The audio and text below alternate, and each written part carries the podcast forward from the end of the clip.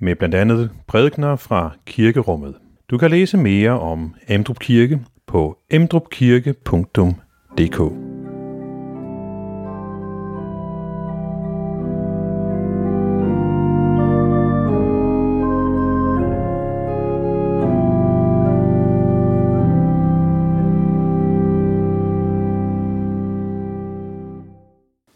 Velkommen til gudstjeneste i dag, anden påskedag. Det tema, som jeg har øh, valgt for i dag, det er øh, bevægelse, som der står der.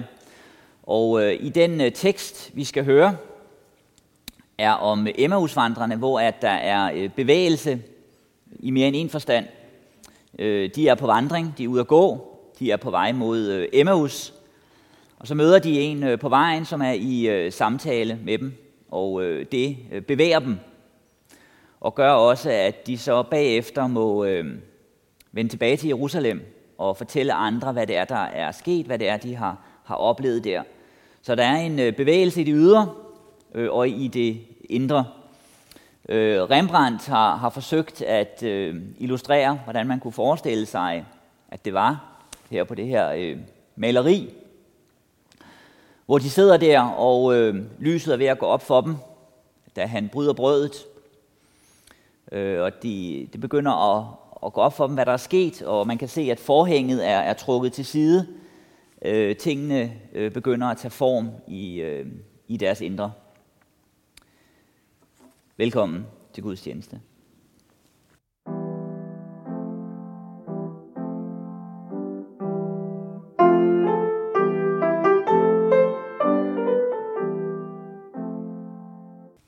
Det hellige evangelium skriver evangelisten Lukas.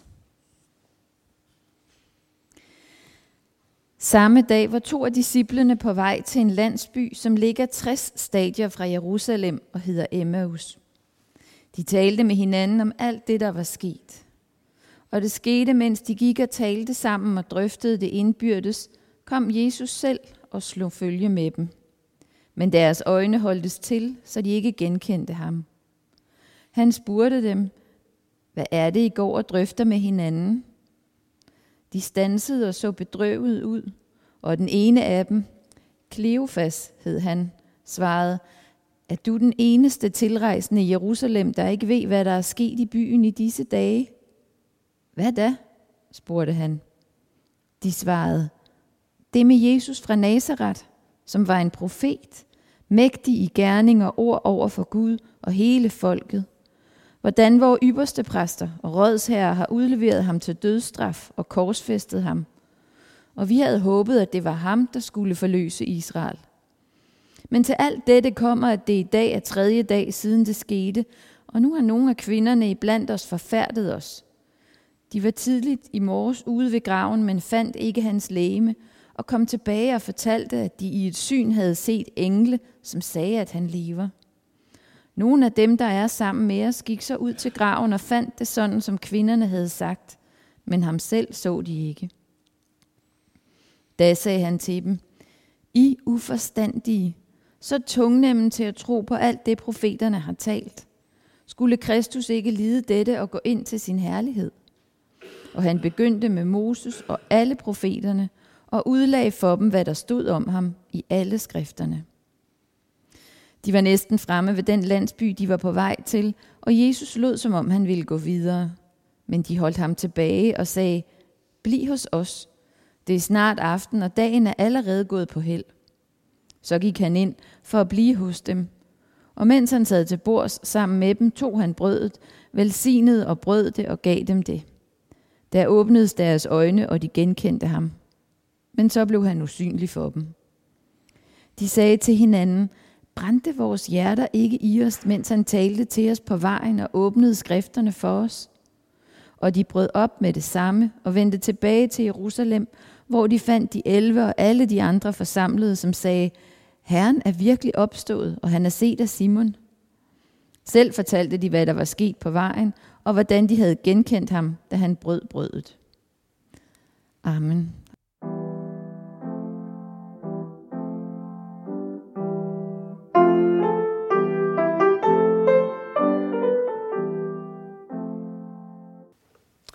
Lad os bede. Tak, Jesus, at du øh, møder mennesker, at du ønsker at vandre sammen med mennesker. Vi beder så også om, at du vil møde os, at du også vil gå sammen med os, og at du også vil sætte os i bevægelse. I bevægelse sammen med dig, og i bevægelse imod evigheden. Amen. Jeg, øh, som jeg sagde i introduktionen, har givet det temaet øh, bevægelse, som jo både er noget, noget ydre og noget indre i øh, den øh, beretning, vi lige har hørt her fra Lukas evangeliet om Emmausvandrene, som er i bevægelse. Betydningen af bevægelse og det at bevæge sig kan man møde på, på flere planer. Søren Kierkegaard han skriver engang et, øh, et brev på et tidspunkt i 1847 til en svigerinde, han har, der hedder Jette, som er, er syg og giver hende øh, nogle råd i øh, sin øh, sygdom. Og så skriver han øh, blandt andet til hende, kære Jette, tab for alt ikke lysten til at gå. Jeg går mig hver dag det daglige velbefindende til og gå fra enhver sygdom. Jeg har gået mig i mine bedste tanker til, og jeg kender ingen tanke så tung, at man jo kan gå fra den. Så øh, der er en betydning i det at gå. Og den her øh, betydning i vandringen, og så også hvem det er, man vandrer med, og hvilke tanker man har med på vandringen, møder vi også i dagens tekst. Vi møder de her to på vej mod Emmaus, disciple. De havde brug for at tale om det, som var sket. De gik og talte om det, som var sket i Jerusalem lige op til i påsken.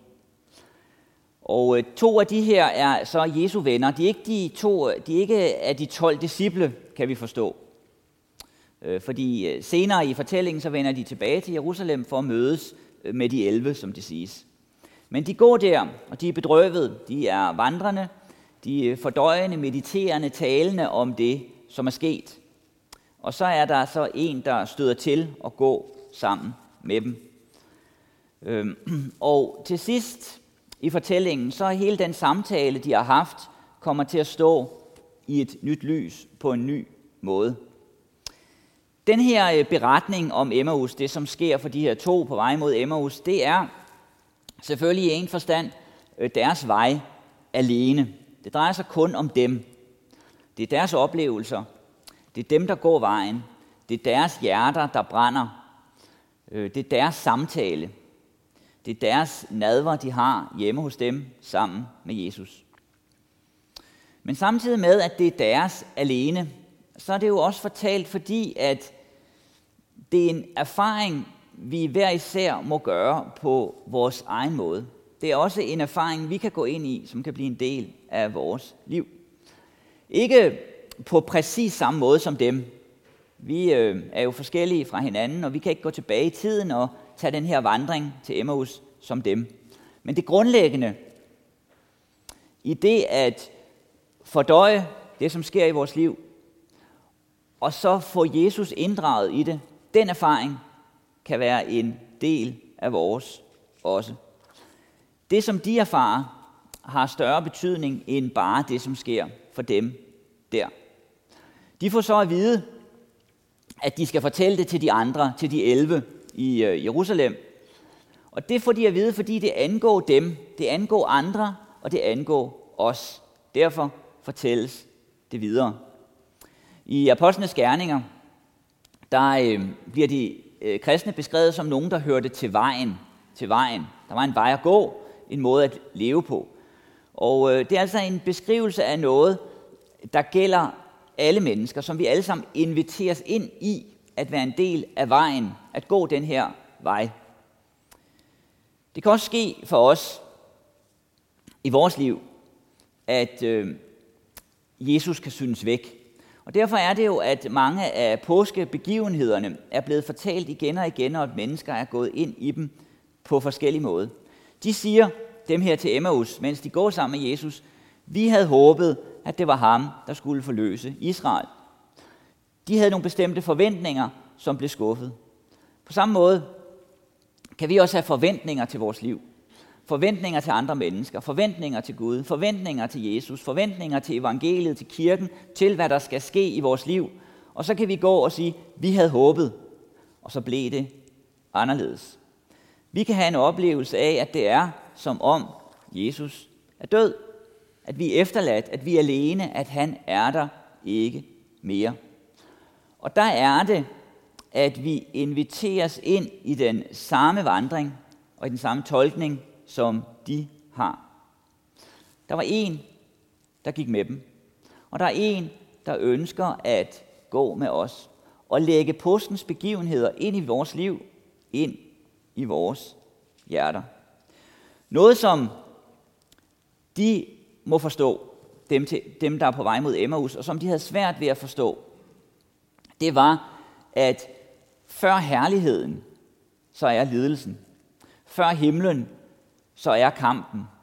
Før den endelige forløsning af Israel, som de havde håbet på, og dermed også forløsning af dem selv og deres liv, så er der noget andet, der måske først.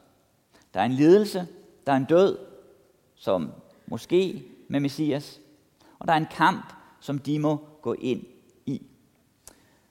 Og sådan er det også for os. Før herligheden, før himlen, før den endelige forløsning, så er der en kamp, vi må kæmpe.